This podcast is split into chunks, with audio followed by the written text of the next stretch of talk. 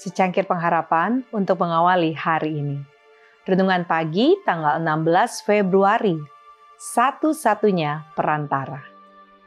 1 Yohanes 2 ayat 1 berfirman, Jika seorang berbuat dosa, kita mempunyai seorang pengantara pada Bapa, yaitu Yesus Kristus yang adil. Semua orang yang berusaha memaafkan atau menyembunyikan dosa-dosa mereka dan mengizinkannya tetap berada di buku surga dengan tidak diakui dan tidak diampuni akan dikalahkan oleh setan.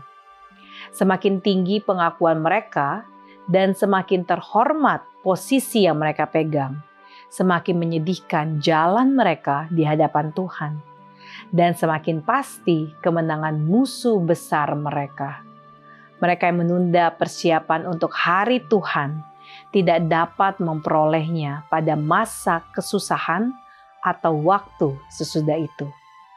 Kasus mereka menjadi tidak ada harapan.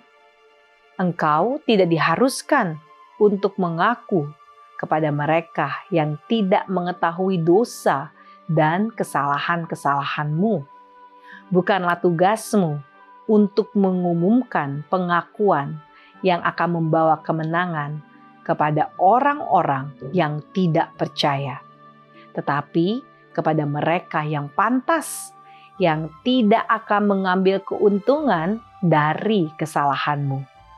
Mengakulah sesuai dengan firman Tuhan, dan biarkan mereka berdoa untukmu, dan Tuhan akan menerima upayamu dan akan menyembuhkanmu demi kebaikan jiwamu. Bersungguh-sungguhlah melakukan pekerjaan yang seksama untuk kekekalan. Singkirkan harga diri dan kesombonganmu, dan lakukanlah pekerjaan yang benar. Kembalilah kepada kawanan. Gembala sedang menunggu untuk menerimamu.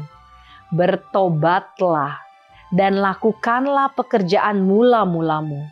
Dan sekali lagi, datang bersekutu dengan Tuhan. Kristus adalah penebusmu. Dia tidak akan mengambil keuntungan dari pengakuanmu yang memalukan. Jika engkau memiliki dosa yang bersifat pribadi, akuilah itu kepada Kristus yang merupakan satu-satunya perantara antara Allah dan manusia. Jika seorang berbuat dosa, kita mempunyai seorang pengantara pada Bapa, yaitu Yesus Kristus yang adil. 1 Yohanes 2 ayat 1. Jika engkau telah berdosa dengan menahan persepuluhan dan persembahan milik Allah dari Allah sendiri, akui kesalahanmu kepada Allah dan kepada gereja, dan perhatikan perintah yang telah Dia berikan kepadamu. Bawalah seluruh persembahan persepuluhan itu ke dalam perbendaharaan. Maleakhi 3 ayat 10. Umat Allah harus bergerak dengan pengertian. Mereka tidak boleh puas sampai setiap dosa yang diketahui diakui maka adalah hak istimewa dan kewajiban mereka untuk percaya bahwa Yesus menerima mereka. Mereka tidak boleh menunggu orang lain menerobos kegelapan dan mendapatkan kemenangan untuk mereka nikmati. Kenikmatan seperti itu hanya akan berlangsung sampai pengadilan berakhir. Tetapi Tuhan harus dilayani oleh karena prinsip bukan perasaan. Janganlah pekerjaan keseharianmu menghalangimu dari hal penting ini. Luangkan waktu untuk berdoa, dan ketika engkau berdoa, percayalah bahwa Allah mendengarmu.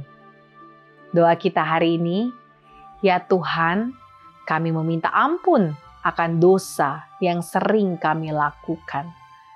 Marilah kita meminta pengampunan kepadanya atas tindakan kita yang sering menyakiti hati Tuhan. Amin.